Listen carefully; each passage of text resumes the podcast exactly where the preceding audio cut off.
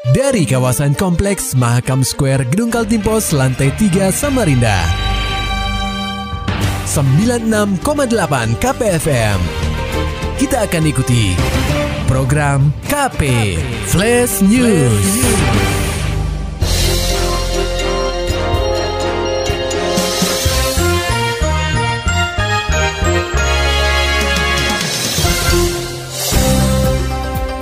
Pendengar KP, saat ini Anda sedang mendengarkan program KP Flash News bersama saya Ian Krisna. Berita utama. Pendengar KP sebagai bentuk apresiasi terhadap kinerja camat dan lurah sekota tepian, Wali Kota Samarinda Andi Harun memberikan mobil operasional sebanyak 69 unit untuk masing-masing camat dan lurah. Penyerahan secara simbolis dilakukan di halaman Balai Kota Samarinda pada Senin 28 November 2022. Orang nomor satu di kota tepian itu mengungkapkan selama tiga tahun ke belakang dalam masa pandemi COVID-19, camat dan lurah selalu menjadi garda terdepan yang tidak mengenal lelah untuk melakukan pelayanan terhadap masyarakat.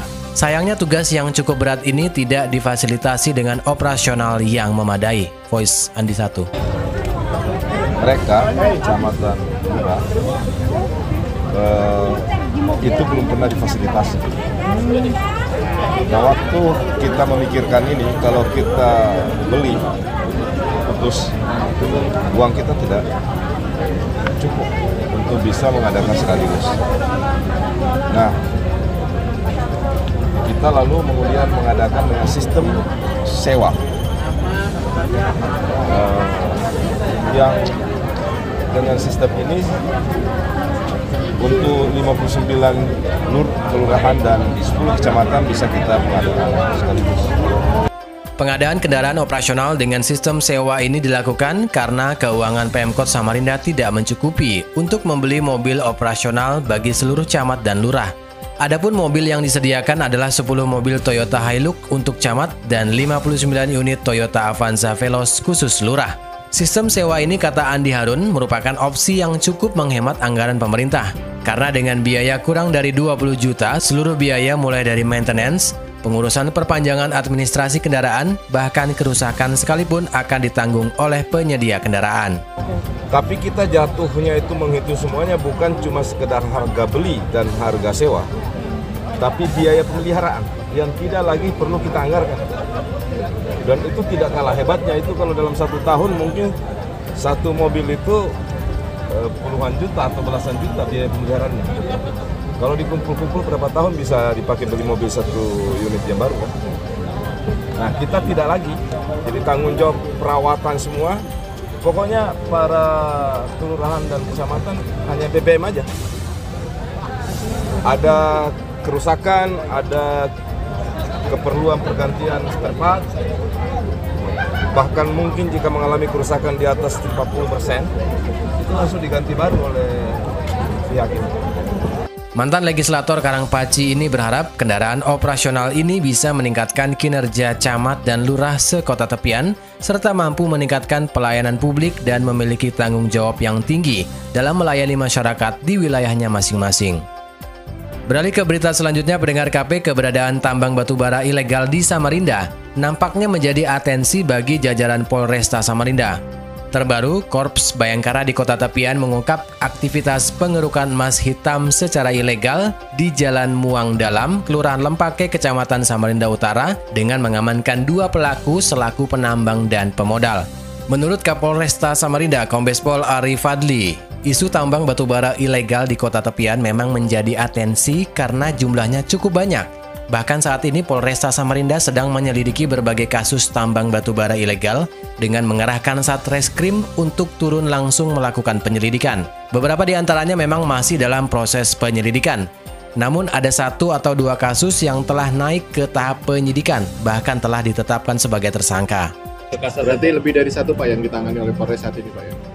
Lebih dari satu maksudnya? Kasus yang kasus tambah. Oh iya.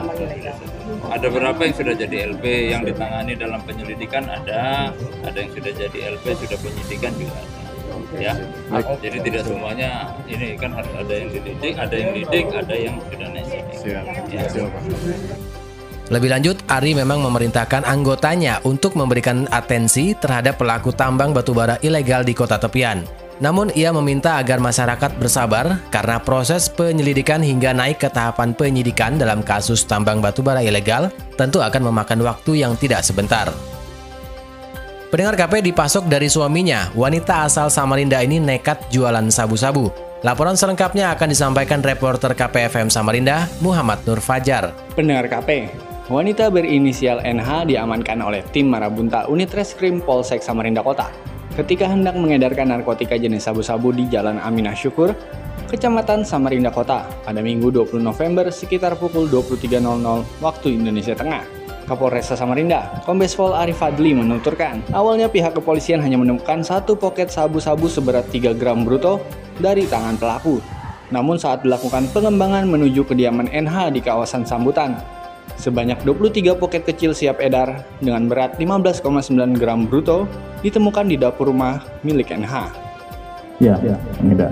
Karena proses penangkapan dari transaksi uh, jual beli dan saat ini jaringannya masih dalam pengembangan rekan-rekan dari unit Reskrim Polsek Samarinda Kota.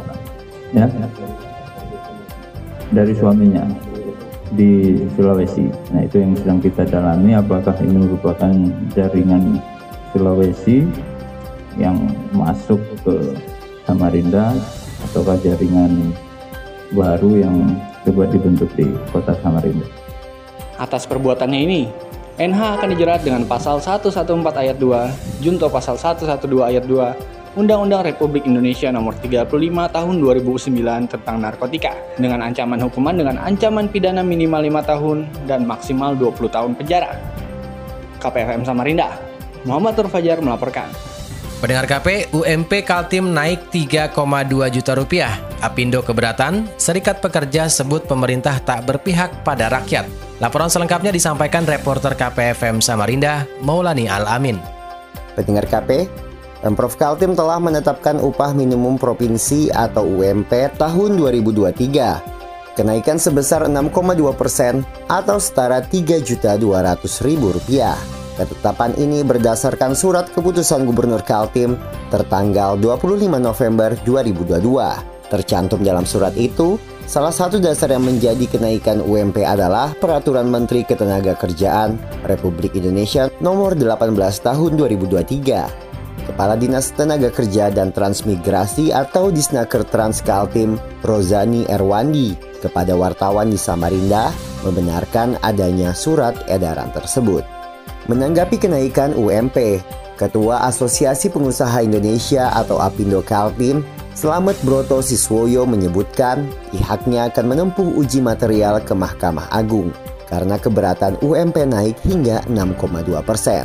Selamat menyebutkan kelompok pengusaha ingin kenaikan UMP didasari oleh peraturan pemerintah yang menulis kenaikan hanya 4,55 persen. Indo Nasional masih uji materi uji materi ke Mahkamah Agung. Uh -uh, soal soal permen, permen 18. 18. Uh. Ya. Nah, hmm. untuk pengusaha kami himbau untuk menunggu keputusan ini. Hmm. Ya kan? Kalau Siap. memang putuskan permen 18 sama Mahkamah Agung menang, ya kita tegak lurus aturan. Harus hmm. kita secara hukum, ya kan? Iya, Pak. Kalau PP 36 yang menang, ya tentunya akan berubah. Harus menghormati juga kan? Iya, iya. Terpisah, Ketua Konfederasi Serikat Pekerja Indonesia atau KSPI Kaltim, Cornelis Iriawan mengatakan kenaikan UMP sebesar 6,2 persen menunjukkan bahwa Pemprov Kaltim tak berpihak pada rakyat. Cornelis menjelaskan, KSPI Kaltim tetap memperjuangkan kenaikan UMP mencapai 10 atau 13 persen. Mengingat kebutuhan pekerja semakin tinggi dan kesejahteraan mesti mengiringi. Kenaikan upah minimum itu 13 atau sampai 10 persen berdasarkan uh, Permenaker 18 2022 itu tentu ini untuk uh, menaikkan uh, daya beli masyarakat itu yang pertama. Yang kedua, kalau misalkan daya beli masyarakat itu sudah didukung dengan kenaikan upah minimum, maka itu nanti juga akan berdampak pada pertumbuhan ekonomi daerah tentunya. Hmm, hmm. Nah, Diinformasikan, UMP Kaltim setiap periode mengalami kenaikan. Sejak 2021, UMP mencapai 2,9 juta rupiah. Kemudian tahun 2022 sebesar 3 juta rupiah. Terbaru berjumlah 3,2 juta rupiah pada tahun 2023. KPFM Samarinda, Maulani Al-Amin, melaporkan. Muhammad Nur Fajar, Maulani Alamin, KPFM Samarinda.